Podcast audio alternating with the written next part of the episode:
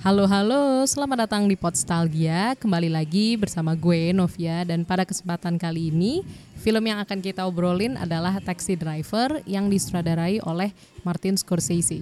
Yuk kita dengerin dulu cuplikan filmnya. 272. Second call, 4 Fort Hamilton, 41 De Niro. and 5. In Bang the Drum Slowly, the critics called him a brilliant new talent. After Mean Streets, they said he was a genius. For his performance in The Godfather Part 2, they gave him the Academy Award. Come on, man. Just get me out of here, all right? Now, Robert De Niro creates a terrifying portrait of life on the edge of madness. Tabby, just forget about this. It's nothing. Taxi Driver, a film by Martin Scorsese.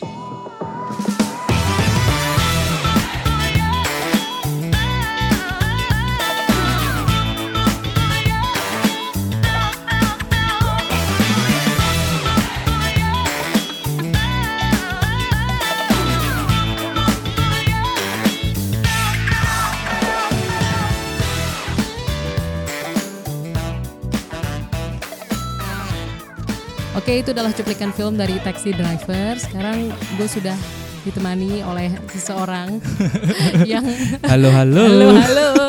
Kita kenalannya dari Karya Karsa ya. Ya, kenalan dari Karya Karsa. Jadi thank you buat Karya Karsa ya Alhamdulillah sebelumnya. nih penikmat. Ya, ter- sebelumnya terima kasih buat Karya Karsa, penikmatnya podcast Novi pod, podcast Podstalgia. Thank you loh Rio Ya, udah mau berpartisipasi juga di karya Karsaya Podstalgia ya. Justru gue yang thank you ada diajak. Waduh, nggak apa jadi kenalan ya. Nggak ada kenalan. Gue sebenarnya grogian loh. Mudah-mudahan lancar lah ya. Lanjut, lanjut, lanjut. Tapi berarti emang Rio eh, suka banget ya nonton film, maksudnya dengerin podcast film juga gitu. Alhamdulillah eh, Mm-mm. dengerin podcast pertamanya eh, Mustafa ya. Ah, habis habis nonton, nonton film, film. sama ngopi. Hmm. Nah, habis itu eh gue cuma tahu dua itu doang. Ah. Sampai akhirnya kol collab ya, Novi Mm-mm. sama Ngopi. Ha-ha. Gua gua dengerin eh gue lihat listnya eh ternyata konsepnya eh, sesuai nih. Memang di gue tuh sebenarnya gimana ya? Film tuh nggak ada yang kayak bagus kayak jelek sih. Kayaknya ini film apa pun misalnya gue lagi nonton kayak malam-malam misalnya gue nonton SCTV eh ini boleh nyebut ininya nggak sih? Boleh, boleh. Boleh. Adalah TV lokal gitu ya. ya masa TV lokal Ha-ha. misalnya misalnya kita lagi nyantai misalnya nonton misalnya bioskop Trans TV eh bisa aja kita nonton film yang dianggap orang jelek taunya cocok sama kita gitu kan. Nah, makanya pas ini wah nostalgia dan filmnya beragam-ragam narasumbernya beragam-ragam kayaknya konsepnya pas deh. Gitu. Thank you loh. Berarti itu salah satu fungsi kolaborasi juga ya. Jadinya kan tahu kan. iya tahunya alhamdulillah si eh, ngopi kalau nggak salah dengerinnya dari ya ini kincir ya Iya. Habis itu iya. vol- orang-orangnya sama. orang-orang kincir Heeh. follow follow di Twitter. Mm-mm. Habis itu baru oh dia bikin podcast baru kita dengerin. Hmm, Gitu. dari situ ya. Dari situ Jadi semangat nih mau collab sama yang lain ah gitu collab ya. collab collab collab no biar makin ini. Waduh. Tapi Tadi gue lihat peringkat 169 ah di mana? di podcast chart. Masa sih? Lu aja nggak tahu ya kalau misalnya Ya. lebih deh. Eh, ya Di bawah- udah di bawah 200 ya. Oh thank you loh, baru tahu loh. Sumpah nggak ngecek-ngecek paling kayak ah Posalgia siapa sih gitu. Oh berarti ini masih ini ya proyek thank you ya, proyek passion aja ya. Eh, untuk sekarang Untuk ya. sekarang. Nggak tahu nanti ke Siapa depannya. tahu ada sponsor ya. Iya. Iya, terus terus. terus. Nah terus tapi kalau sehari-hari tuh Rio eh, kerjanya kayak ka- berkaitan sama film gak sih? Apa? Enggak, enggak ada. Oh Gua enggak. memang gue kayak eh, dari SMP gue Mhm. tuh eh, kayak nerdy gitu loh maksudnya nggak nggak keluar nggak ini Hmm. nah jadi agak persis persis nih kalau gue denger eh, Novi di podcast yang lain ya Mm-mm. podcast book jadi ceritanya memang pertama bola cuma lama-lama eh, bol, eh, bola bisa sampai gue nyatat-nyatat klasemen gitu segala macam gitu tapi eh mul film tuh kayak sekali-sekali nonton sekali-sekali Hmm. nonton nah mulai dari ada majalahnya kali ya sama Oscar tahun 97 Ah. jadi di situ Titanic ya biasalah anak Iya, SMP iya. kan Titanic. Katanya ada itunya terus kita kita beli VCD bajakannya. Iya, iya. Ada bonusnya. Bonusnya nonton Good Will Hunting. Hmm. Nah, di Good Will Hunting itu baru agak merubah persepsi tentang nonton film. Ini kok situ. film kok cuma ngobrol-ngobrol doang, habis itu kok gua ka- kayak keikut gitu.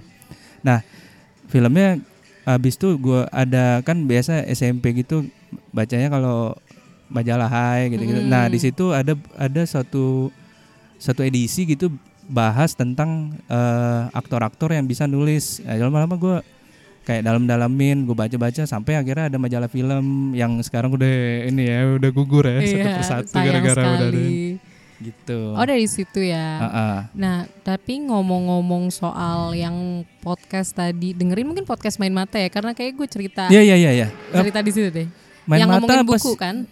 main, main, main, main mata ya, bukan Iya. Sinemager ya? Eh main mata kayaknya main ya. mata. Iya iya iya iya. ah, iya. Kalau Sinemager pernah ya berkunjung, tapi gue belum pernah berkunjung. ya. Oh iya iya iya. Iya pokoknya kan kayaknya kalau Hmm? misalnya di podcast tuh misalnya eh, kata kunci eh misalnya dari kayak dari dari Twitter ya. Hmm. Jadi di mention mention gue lihat misalnya lo kolaborasi sama podcast yang main mata ya buku ya. Iya. Ya habis itu baru gue denger juga tuh podcast buku. Cuma emang Ah. dasarnya nggak semuanya denger yang yang relate aja gitu. Hmm. Nah, Postalgia nih abis itu gue langsung kayak maraton gitu. Tapi sampai sampai gue ala Lost in Translation udah duluan lagi dibahas gitu. Oh tadi pengennya lost in translation ya? Nggak, tapi gue taksi yang kita mau bahasnya taxi driver ya. Taxi driver nih gue memang kayaknya eh, agak agak agak dalam gue hampir gue Lost in Translation juga sering nonton. Mm-mm. Nah kayaknya gue tuh kayak relate sama film yang kayak eh, meng- mengevaluasi kayak eh, sifat-sifat manusia gitu. Maksudnya kayak kesepian, depresif. Kayaknya gue malah menikmati. Iya iya iya. Jadi kayaknya ada kecenderungan kayak lo kan sukanya sama yang eh, road trip gitu ya, Ferris Bueller kayak. Ah jadi gue kayaknya mendalamin nah, taxi driver nih pangkal bala gue kecintaan gue sama Martin Scorsese juga kebetulan kita ada filmnya kan The Irishman Iya. sialnya gue karena gue eh, karena Netflix nggak bisa di di salah satu Provider. provider gue belum nonton Gak aduh. apa. Tapi kan yang sebelum-sebelum berarti udah banyak nonton ya? semuanya gue tonton Wow. Dari, yang sampai yang Hmm? eh, kecuali yang film pendeknya ya Mm-mm. Karena Bahkan agak susah ada- juga nyarinya kan. agak susah juga tapi ada satu film juga film pendek Mm-mm.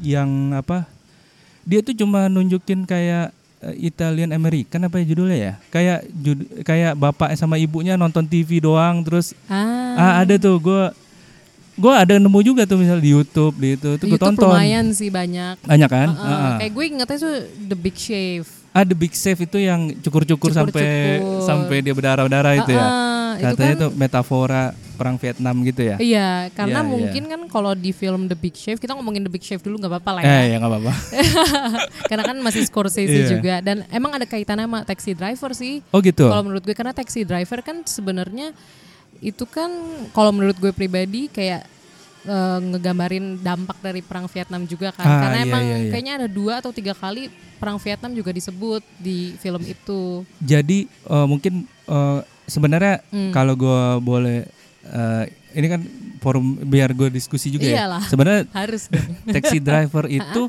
dia justru ininya eh, kayak yang membawa eh, apa namanya filmnya biar dijadiin itu awalnya proyeknya penulisnya. Hmm. Nama penulisnya Paul Schrader. Mm-mm.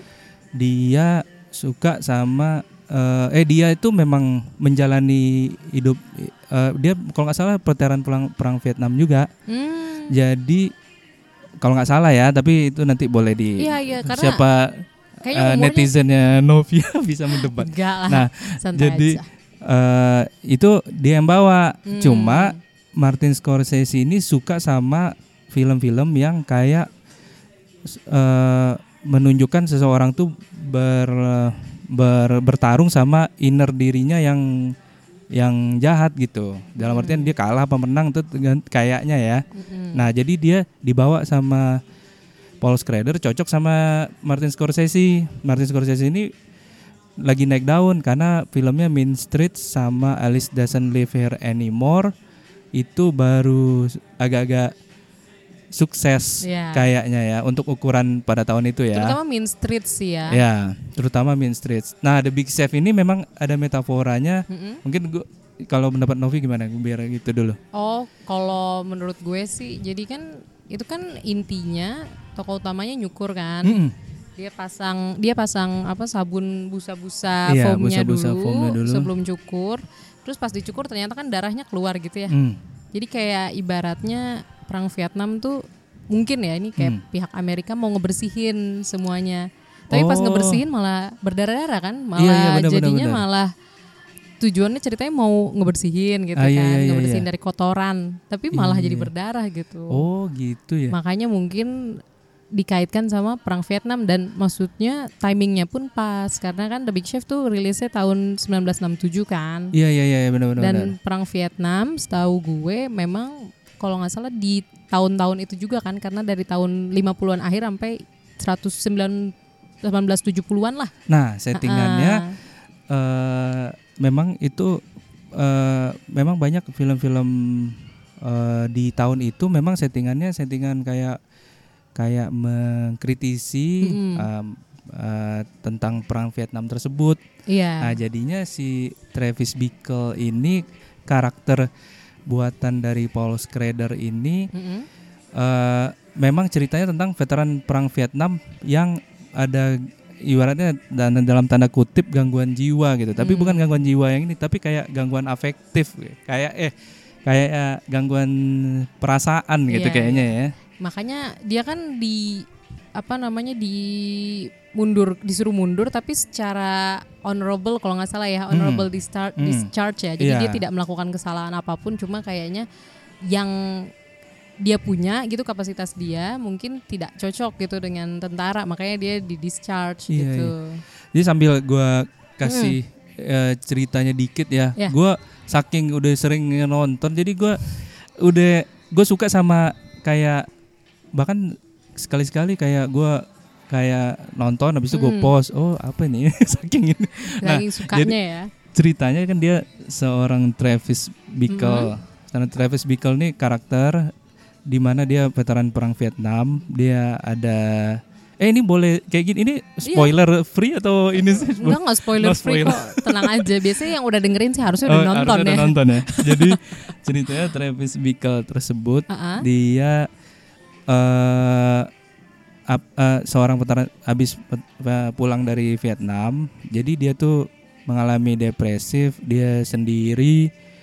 Dia juga nggak punya pasangan, Hmm. berusaha punya pasangan tapi sering karena dia menjalani eh, gimana karena lingkungan yang menyebabkan dia kayak eh, salah cara gitu. Jadi dia pernah awal-awal kayak mau deketin kayak petugas tiket bioskop porno gitu. Dan tontonannya aja udah salah porno Iya. bioskop porno. Ngede- aja pakai aja. itu ya. Aduh, Iya makanya. banget. Jadi karena dia kayaknya insomnia, abis itu eh, apa? eh, dia eh, kayak pengen daripada gua diem-diem aja, mendingan kerja gitu. Jadi dia masuk Hmm. kerja. Pas waktu eh, masuk kerja, eh, alhamdulillah. Terus dia sebenarnya dia kayak ada di dalam dirinya itu yang dia tulis dari diari nara- narasi diarinya dia sebenarnya nggak suka sama New York di tahun itu gitu. Jadi ada banyak ada wanita malam ada yang narkoba. Nah jadi karena muak tapi tersimpan. Nah dia pengen mengalihkan dari dari itu. Jadi sambil dia nyupir taksi sambil dia ngejalanin kayak pernah dia kemasukan taksinya eh, masuk ada wanita malam dia, se- dia sebel. Ada juga lagi lewat jalan kayak eh, daerah New York yang eh, kayak eh, banyak premannya gitu dilemparin telur. Habis itu eh, suatu waktu hidupnya hampir berubah karena dia tuh eh, kayak ngelihat seorang perempuan. Nah seorang perempuan tersebut eh, Betsy namanya yang mainin si Bill Shepard. Kalau dulu gue juga pernah ada seri Moonlight Moonlightning sama dia sama Bruce Willis. Wah, masih cakep juga tuh. Dari tahun 70 ada film juga Last Picture Show. Itu sebelumnya terkenal sebelum Taxi Driver. Nah, jadi dari persepsi jadi kayak penguntit di awalnya. Cuma si Betsy ini ya udahlah gua gua terima dulu aja lah. Jadi lam- pas dia mau ternyata karena si Travis nih dasarnya nggak ngerti gimana cara pendekatan atau apa jadi malah dibawa ke bioskop porno habis itu dia di ditinggal gitu kan Iya. nah setelah ditinggal ternyata karena bakatnya udah ada dia ada psikopatnya jadi sewaktu-waktu mulai dia kayak eh, dia berusaha udah mulai kayak eh, orang obsesif gitu deketinnya terus dikirim bunga terus tapi nggak nggak berhasil kan dapetin si Betsy lagi nah jadi lama kelamaan malah jadi kayak eh, terganggu si, ter- terganggu malah dia kayak obsesif pengen eh, bun pengen kayak bu, bunuh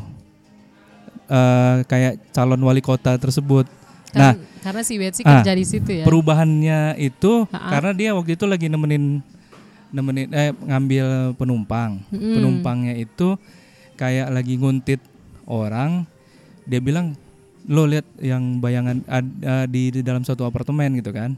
Lo lihat bayang lo lihat orang itulah kata dia.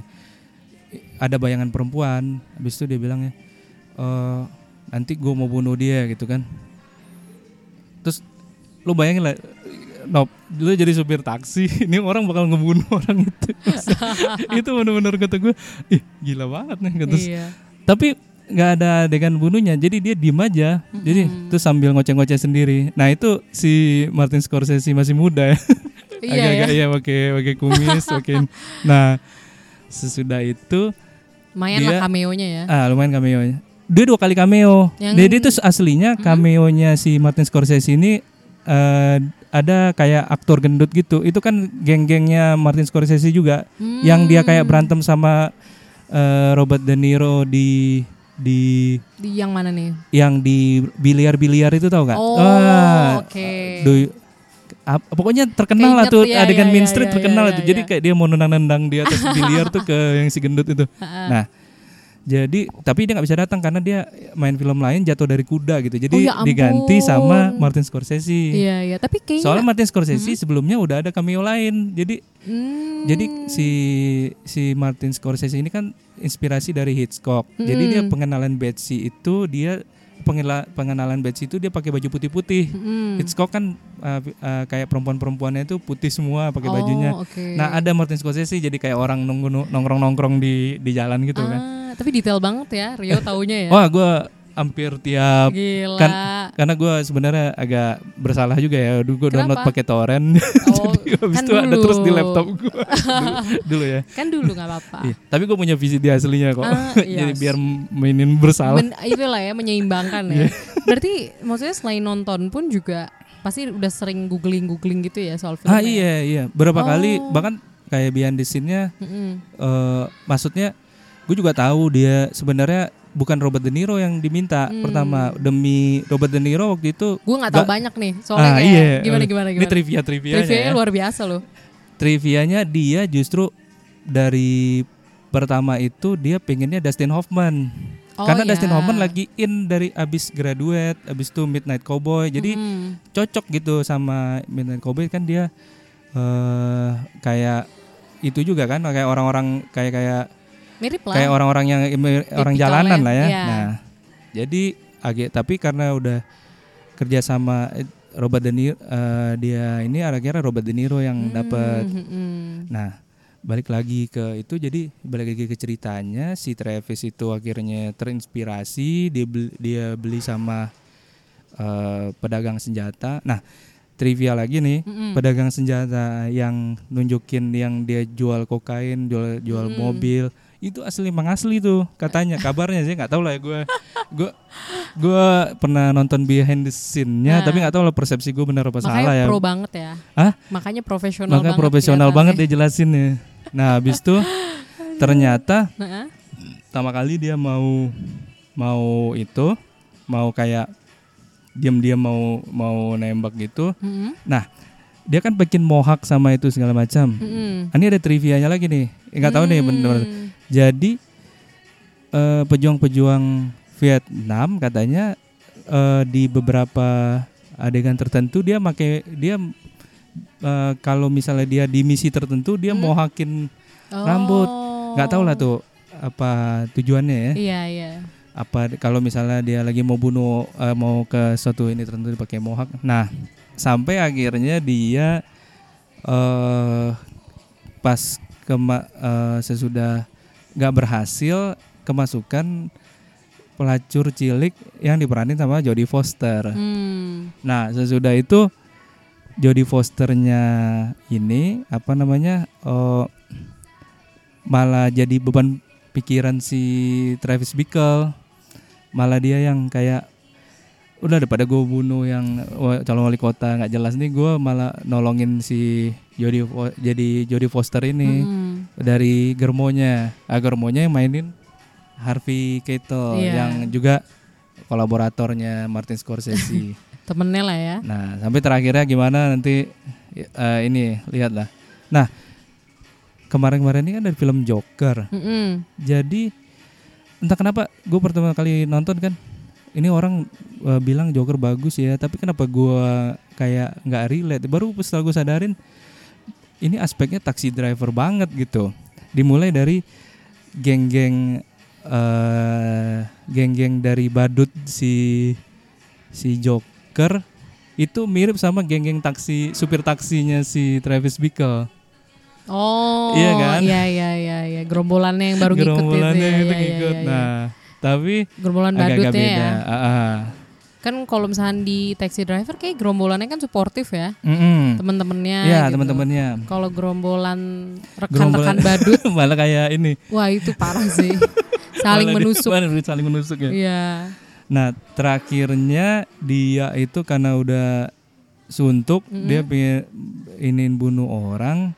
Jadi kalau jadi set- dia kalau bedanya kalau di Joker dia ada juga terbunuh juga satu orang. Iya sih ada. Banyak lah ya. Iya. Yang pertama malah dia habis bunuh orang dia mer- merasa senang ya. Mm-mm. Nah, kalau si eh, ini ini spoiler, juga buat Nggak Joker. apa-apa, udahlah nggak apa-apa lah. Nah, jadi yang itu yang taxi driver ini dia malah jadi antihero ya. Itu Iya. ironinya ya. setelah dia setelah dia apa? malah jadi antihero. Jadi eh makanya setelah sudah ini kok orang bilang Joker ini bagus tapi kenapa gua nggak nggak suka ya ternyata banyak dari setelah gua baca-baca dia memang kayak nyo ini nggak tahu lah ntar diinin sama ini kan pribadi kita ya Iya, ini iya. nin- netizennya Novia Enggak lah santai. nggak gue maksudnya nggak relate karena eh, karena ternyata gue pernah lihat ini kayaknya di ini campuran dari taxi driver sama King of Comedy. Hmm. nah kayak gitu. Jadi dari situ ini aneh Makanya mungkin nggak mungkin karena udah pernah ngelihat taxi driver pas Ah, nonton Joker mungkin jadi karena gua udah ulang-ulang nonton jadi gua jadi membandingkan. Jadi nggak ya udahlah. Tapi tapi secara ini bagus. Joaquin Phoenixnya bagus banget bagus banget. Gue eh Parasite juga keren banget gue suka juga untuk Oscar kemarin ya. Iya, mo- dan gue momen di mana Bong Joon Ho juga kayak mengapresiasi Martin Scorsese mirip-mirip juga. Gue juga kayak semua film Martin Scorsese kayak gue walaupun banyak ada juga yang banyak juga yang ini nggak ngerti kenapa diginiin ya gitu. Biasa lah nggak apa-apa kan. kan nggak mesti dimengertiin semua kan. Kalau nggak ngerti ya ya udah nggak Iya, apa-apa gitu. Soalnya kan maksud sutradaranya pun kadang juga apa Hmm. kita nganggapnya juga apa gitu. Jadi udah biasa lah kalau beda juga Hmm. gitu. Adegan-adegan memorable-nya buat gua eh gua suka sama kayak awkwardnya eh, Travis Bickle itu karena dia dia berusaha masuk ke society-nya tapi malah jadi awkward. Ya, oh Jadi iya. salah satunya Heeh. dia ada kayak geng ada kepala geng supir taksi itu wizard it jadi dia punya kepala geng wizard wizard itu kayak ini kesian nih orang nih ada apaan sih jadi kayak nasehatin Heeh. nasehatin tapi nggak nyambung gitu jadi si si kayaknya si Travis nih lagi lagi apa sih berkutat ini gue mau bunuh orang ya jadi dia sampai kayak latihan eh kayak gimana cara nyembunyiin senjata Hmm, gitu-gitu kan. iya. jadi udah kepalanya udah mulai atau kalau urutan adegannya ini ya pokoknya intinya dia udah mulai berkecamuk gitu. Gua ini nggak ya? Gua bunuh nggak ya? Gua bunuh nggak ya? habis itu dia ceritain ke si wizard. Wizardnya malah nasehatin udah lo udah lo nikmatin aja masa muda lo cari aja cewek gitu-gitu. Iya iya. Nggak nyambung tapi men- bisa jadi ada di situ ya. Terus dia itu cara gambarnya misalnya Martin Scorsese dia kayak menunjukkan oh kayak kesepiannya gitu dia nunjukin ke dilihat dari persepsi Travis Bickle jadi malah kayak nunjukin kayak apa oh kalau gini kita ini ini boleh ini kayak vitamin C yang bisa larut dalam Hmm. air itu ditunjukin ke situ kayak dia ngeliatin aja. Ini kayak kesepian banget. Terus ada dia nelpon di lobby gitu terus kameranya jauh. Jadi di situ kayak eh, apa ambilan kameranya itu nggak nggak ini nggak nggak kayak biasa gitu. Jadi Hmm. memang katanya itu terinspirasi dari ambilan-ambilan yang itu dari persepsinya Travis Bickle semua filmnya. Secara eh, bu- maksudnya bukan dilihat matanya doang tapi maksudnya secara lingkungannya itu kayak Travis Bickle mau ngapain pokoknya dilihat dari inian Travis Bickle. Nah sampai satu cuma satu adegan yang nggak ada Travis Bickle sama sekali. Di Yang mana tuh? adegan si Harvey Keitel Mm-mm. kayak dansa sama si Jodie Foster bujuk-bujuk dia. Udah lo jangan kabur lah. Padahal Jodie Foster udah dibujuk suruh suruh cabut. Habis itu baru di kayak ada di situ cuma satu adegan itu doang yang bukan dari perspektif eh, Travis Bickle nggak tahu lah tuh apa karena sama-sama mungkin sama-sama utang budi kali sama itu tapi nyambung jadi maksudnya Hmm. di itu um, Harvey Harvey Keitel-nya itu kayak ini gue nggak tahu nyebutnya bener apa salah ya Gak tapi apa-apa kayak yang penting tahu lah kita itu Harvey Harvey si sport lah. sport nama Ah, nama sport. nama intinya nama germonya nah di kayak dia tuh bukan cuma jual doang tapi dia ada kebapaannya Mm-mm. makanya nggak bisa kabur Iya sih. gitu Agak susah lah ya. Kalau Novi pen- apa namanya eh, pendapatnya apa tentang film apa yang keinget yang ini Eh sebenarnya selain mungkin kan di awal ngomonginnya road trip ya. Gue Hmm. pribadi juga sebenarnya cukup suka sih film kayak Taxi Driver. Hmm. Tapi entah kenapa Joker tuh mungkin ya kalau misalnya ngomongin sama Joker ya Hmm, Taxi Driver tuh masih lebih light sih, lebih ringan iya iya daripada Joker karena kalau Joker tuh depresifnya lebih total dan mungkin dalam artian mungkin direlatekan sama ini ya eh dia kan nanti ujungnya bakal jadi eh, musuhnya Batman yang kacau balau gitu ya maksudnya dia harus mungkin harus benar-benar harus benar-benar benar-benar kacau hidupnya Hmm. gitu Iya sih mungkin. Nah kalau di Taxi Driver nih, eh, kalau gue lihat si tokoh Travis Bickle ya masih cukup innocent sih, apalagi di awal-awal tuh Hmm. sesimpel apa awal-awal tapi kelihatannya innocent tapi persisten. Jadi dia kan kayak contoh ngajak ngedate si Betsy, Hmm. dia kan apa mulutnya juga lumayan manis kan dan kayak langsung tedeng alik gitu loh. Walaupun Iya, memang caranya kan ternyata agak aneh gitu Iya. kan. di akhir makanya si Betsy sampai kabur. wawasannya itu doang gitu jadi Iya. ya mungkin kayak gitu juga ya baru gue baru pulang dari Viet dia kan pakai jak kita taunya dia veteran perang Vietnam karena dia Mm. ada obrolan dia sama ini pimpinan supir taksi itu ya Mm. nah jadi mungkin wawasannya itu doang jadi taunya ini si perempuan eh si Betsy itu lari habis itu makanya Iya terbatas ya kan. terbatas mungkin ya mungkin jadi kayak itu eh, memperlihatkan efek perang Vietnam juga Hmm, kali ya. hmm, Jadinya iya. kalau ngedate nggak bisa relate gitu. Iya.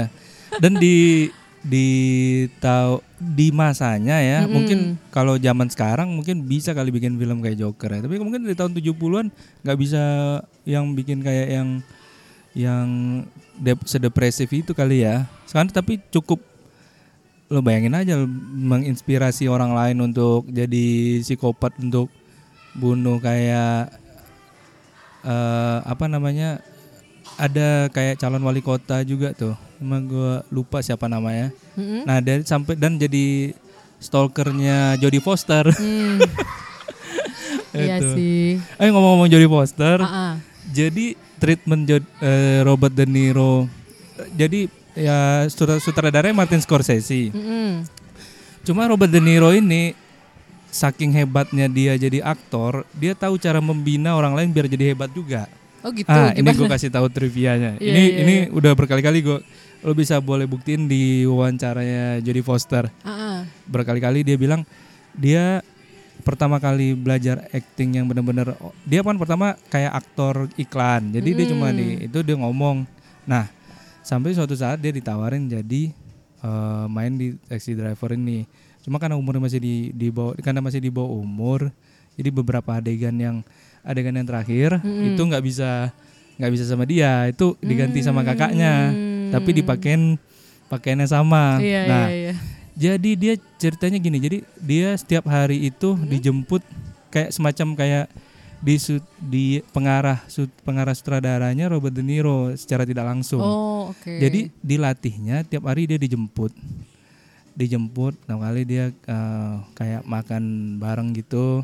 Nah, tapi didiemin aja sama Robert De Niro. Hmm. Habis itu eh, jemput yang kedua, jemput yang ketiga sampai akhirnya ini gue cuma diam-diam akhir akhirnya dia kayak cuma latihan-latihan ini biasa latihan dialog biasa taunya didiemin habis itu didiemin sampai Hmm. akhirnya dia jadi kayak kayak apa namanya eh eh, kayak bercanda-canda sama waiter gitu-gitu kan sampai suatu saat udah kayak dia bosen tiba-tiba si habis latihan dialog yang yang benar tapi dia kayak ngomong-ngomong eh yang ngomong-ngomong yang di luar konteks gitu nah ya memang itu eh secara eh hubungannya relationshipnya antara Travis Bickle sama pelacur yang baru dikenal itu jadi dia Hmm. malah kayak makanya kayak obrolannya tuh kayak natural gitu Sam- yang yang pelacur cewek, cewek ini oh lu Virgo kayaknya ya kan dia malah ngomong Zodiak. malah ngomong zodiak zodiak Iya, gitu iya. ya Berarti emang dari umur itu muda kayaknya pun di luar di luar dari dari skenario nya Masa sih? iya kayaknya itu improvisasi mereka Oh berdua nggak tahu deh kalau itu Hmm. deh. Tapi itu obrolan itu lucu banget sih karena karena nge- ngeliatin kalau misalkan toko Jodie Fosternya ya udah emang bener-bener fok apa ngikutin astrologi banget tapi yang Hmm. yang lumayan fanatik sih tanda kutip ya maksudnya kayak jadi nilai orang pakai astrologi gitu iya ya kan nggak cuma buat bercandaan gitu tapi kayak Iya. dia antusias banget kan di situ kayaknya si Jodie Fosternya jadi obrolan-obrolannya mungkin itu kayak dibikin kayak improvisasi awal tapi temanya kayak si yang terakhir yang Hmm. Robert De Niro bilang udah ngapain sih lo masih sama Germo itu tuh udah pergi lagi iya gitu sih iya sih mirip-mirip gitu nah kalau Hmm. Martin Scorsese sendiri lu suka nggak Nob? Eh, suka kok walaupun mungkin filmnya belum sebanyak Rio ya nontonnya ya. Hmm. Gue pribadi The Departed suka banget, The Goodfellas Departed. juga Hmm. enjoy banget gitu The- loh. The Jadi Goodfellas nih beratnya kayak Hmm? oh lo nonton tuh kayak ini ya apa namanya nggak berasa ya Iya nggak keberasa walaupun durasinya banyak banget, Durasinya maksudnya panjang panjang, banget. banget Iya, gitu. dari- juta. dari kecil eh dua, ju- sampai- dua jam, dari ke- 2 juta tiga jam kurang dikit. sorry sorry sorry, tiga jam kurang dikit Tiga kan. jam kurang dikit. Dari kecil bener kata lo dari eh, dari kecil, kecil terus sampai sampai ini akhirnya jadi gangster yang established gitu Hmm. kan itu bisa diringkas banget gitu tapi emang gue pribadi juga lumayan suka yang Nah temanya itu Mm-mm. dari dia film pertama sampai terakhir Mm-mm. itu gimana kita berperang sama in- inner demon kita. hmm, Jadi setan di dalam ini kita dalam menjalani sehari-hari. Karena dia basicnya juga ini ya apa belajar untuk eh, mendalami agama. hmm, sempet lah ya Sampai akhirnya dia jadiin Katolik ya? Dia lupa gue. dia kan memang Protestan apa enggak dia kan memang Itali kan Ya, Itali, oh iya. dan maksudnya perut Itali banget Hmm. dan karena root Itali banget jadi Kristennya pun Kristen Katolik Hmm, dan dia kalau nggak salah emang sempet ikut pendidikan seminari juga Hmm, atau hmm. sejenisnya gitu jadi selain memang kulturnya kental sama agama Katolik dia juga belajar di sekolah yang khusus gitu Hmm. Iya, jadi iya, walaupun iya. nggak lanjut tapi dia tahu aspek-aspek Katolik dengan detail kalau menurut gue ah, jadi itu dia. jadi kalau misalkan ada di filmnya nggak heran sih Ah, iya. banyak dibawa gitu karena selain memang kultur dia juga tahu secara pendidikan Ah. gitu Dan dia kan walaupun eh, banyak kritik ya eh banyak banyak kritik. Dan dia eh, suka cameoin bokap sama nyokapnya selama masih Hmm, hidup. mm, Yang paling mm, terkenal yang di Godfellas itu. Godfellas itu dia sama si Joe Pesci yang sama Robert De Niro itu kocak iya banget. iya Nah, yang di Taxi Driver gue Ah, sebelumnya ini ini di mana sih eh, itunya eh apa namanya cameo-nya kan? hmm. Ternyata di ini di di ini koran itu. Jadi kan dia setelah itu dikirimin surat gitu kan. Hmm. Habis itu ada di foto koran. Oh, tetap ada ya walaupun. Walaupun sekilas gitu ya Iya. dan nggak gerak kan karena kan potongan koran kan di situ Dan Martin dan jadi ceritanya eh, Martin Scorsese ini emang di ditunjang banget sama bapak ibunya gitu. Maksudnya ya udahlah kalau lo mau bikin film ya bikin lah. Jadi kadang-kadang dia si Martin Scorsese ini memang agak katanya dia bilang lo kalau mau jadi filmmaker bagus lo harus setengah setengah sinting katanya. jadi jadi ada di Main Streets Heeh. kan nyokapnya tuh kayak jadi cameo di kayak dia punya pacar si Harvey Harvey Keitel kan punya Hmm. pacar pacarnya epilepsi serangan epilepsi didatangin sama nyok yang karak yang nenek-nenek di apartemen itu nah Oh, jadi itu nyokapnya kan Mm-mm. jadi kan biasanya kalau kita mempekerjakan nyokap gitu kan kita ada resistensi ya. Tapi katanya itu katanya diulang-ulang terus sampai-sampai nyokapnya gue pernah nonton YouTube itu sama itu diulang terus sampai sampai dia su- suntuk juga nih. Lu mau seberapa sempurna? Emang terkenal si Martin Scorsese ini suka ngulang dan dia suka ngambil yang terbaik dari dari dari acting dari itunya.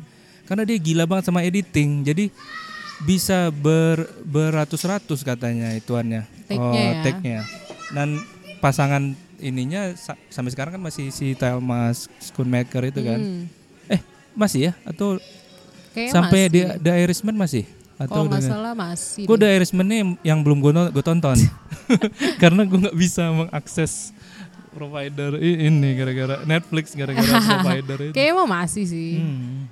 kalaupun enggak ya mungkin teman-teman yang denger gitu bisa kasih tahu ya masih sama Thelma Schoonmaker atau enggak gitu Goodfellas, Raging Bull, oh, Raging Bull keren keren banget. Itu agak masih kok Mana? nih ambil nyari masih Masih masih nyari. masih juga sambil Google ya.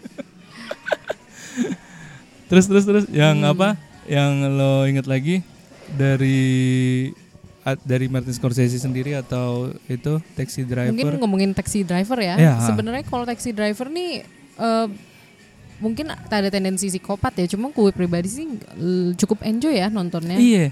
karena karena mungkin eh, masih diliatin sisi sisi dari tokoh Travisnya bersosialisasi gitu Iya, atau benar, mungkin benar. sesimpel dia lagi mau deketin cewek Hmm. atau kayak sebenarnya kan dia kan kayak mau cari jalan hidup dia gimana sih Hmm. Nah, cara cara dia ngejalanin hidupnya tuh walaupun suka misalkan apa namanya tiba-tiba agak menyeleweng gitu ya, kayak Hmm. dia tiba-tiba beli senjata banyak tuh buat apa gitu kan kayak apa dia mau jadi pembunuh yang massal gitu kan kita kan nggak tahu kan, tapi di situ eh, gue sih ngelihat oh ya udah mungkin dia emang mau coba jalan itu gitu. Jadi kalau di ilmu kejiwaan itu Mm-mm. dia ada namanya represif ya. Misalnya kayak kita eh, nggak suka, eh misalnya kayak seorang anak pasti nggak suka sama eh, bapak ibunya ya, Mm-mm. karena itu dari represif dari ilmu kejiwaan itu.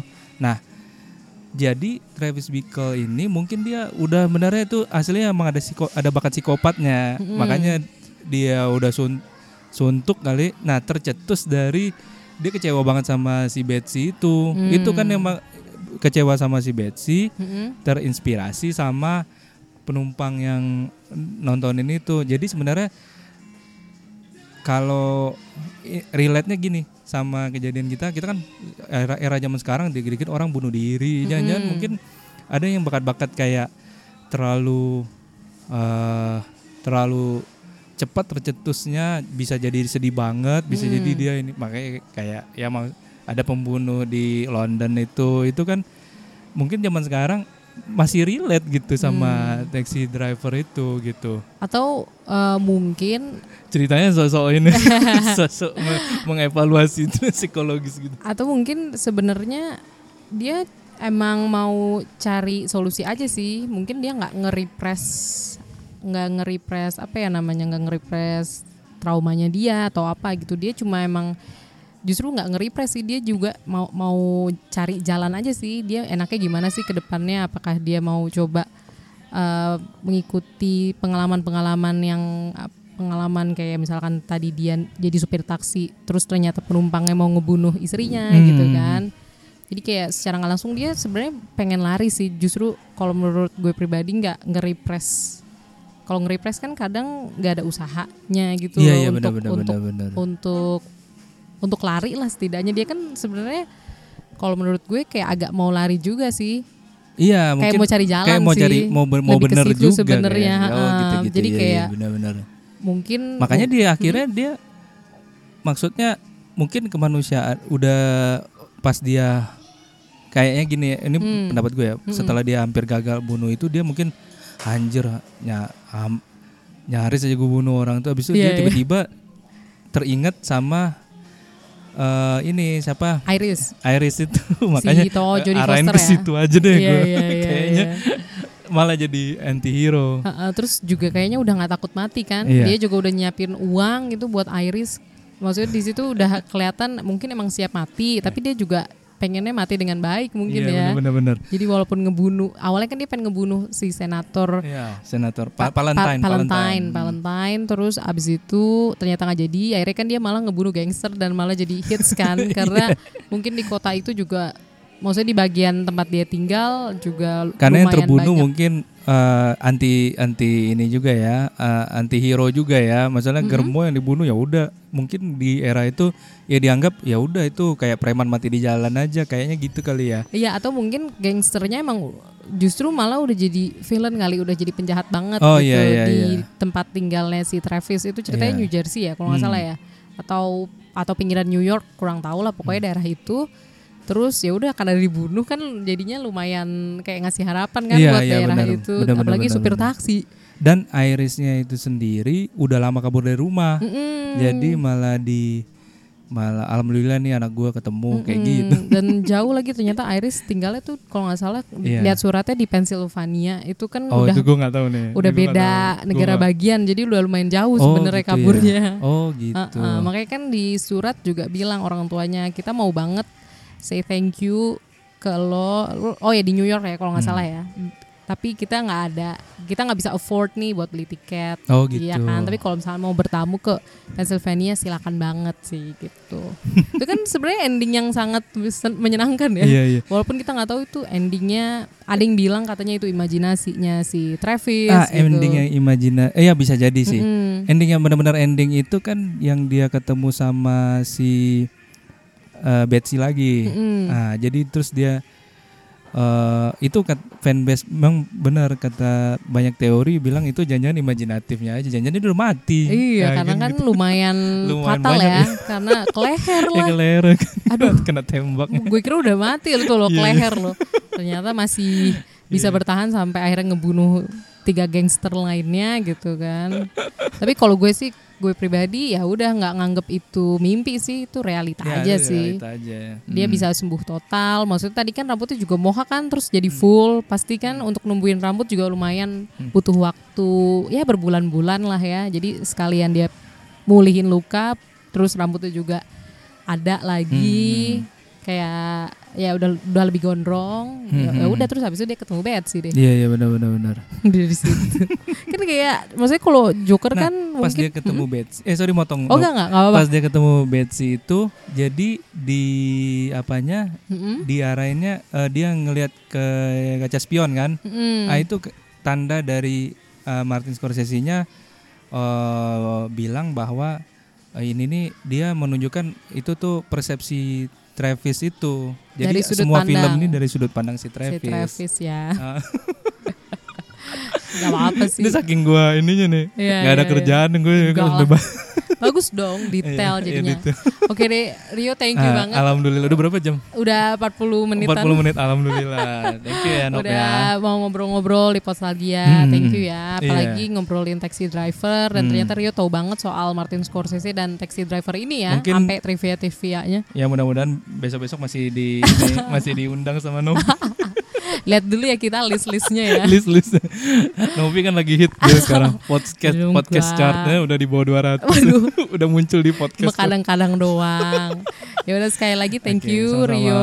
Mm-mm. Terus buat teman-teman Podstalgia yang mau kasih kritik atau saran bisa langsung banget mention di. @podstalgia. Mungkin Rio mau share sosmednya gitu? Mungkin kalau yang ini kalau yang yang Instagram untuk pribadi untuk pribadi ya. Tapi kalau ini mungkin di Twitter aja ya. Siapa tahu ada yang salah, ada yang itu mudah-mudahan nggak dimaki-maki sama Enggak. netizen Nov. Enggak lah, Di enggak. at, enggak. at Rio garis bawah notario. Oke. Oke. Rio un- underscore, Underscore notario ya. notario. Oke deh. Sekali lagi terima kasih Rio. Ya sama-sama. Dan terima kasih untuk teman-teman Podstalgia yang sudah mendengarkan hingga titik ini dan sampai jumpa di episode selanjutnya. Bye bye. Bye.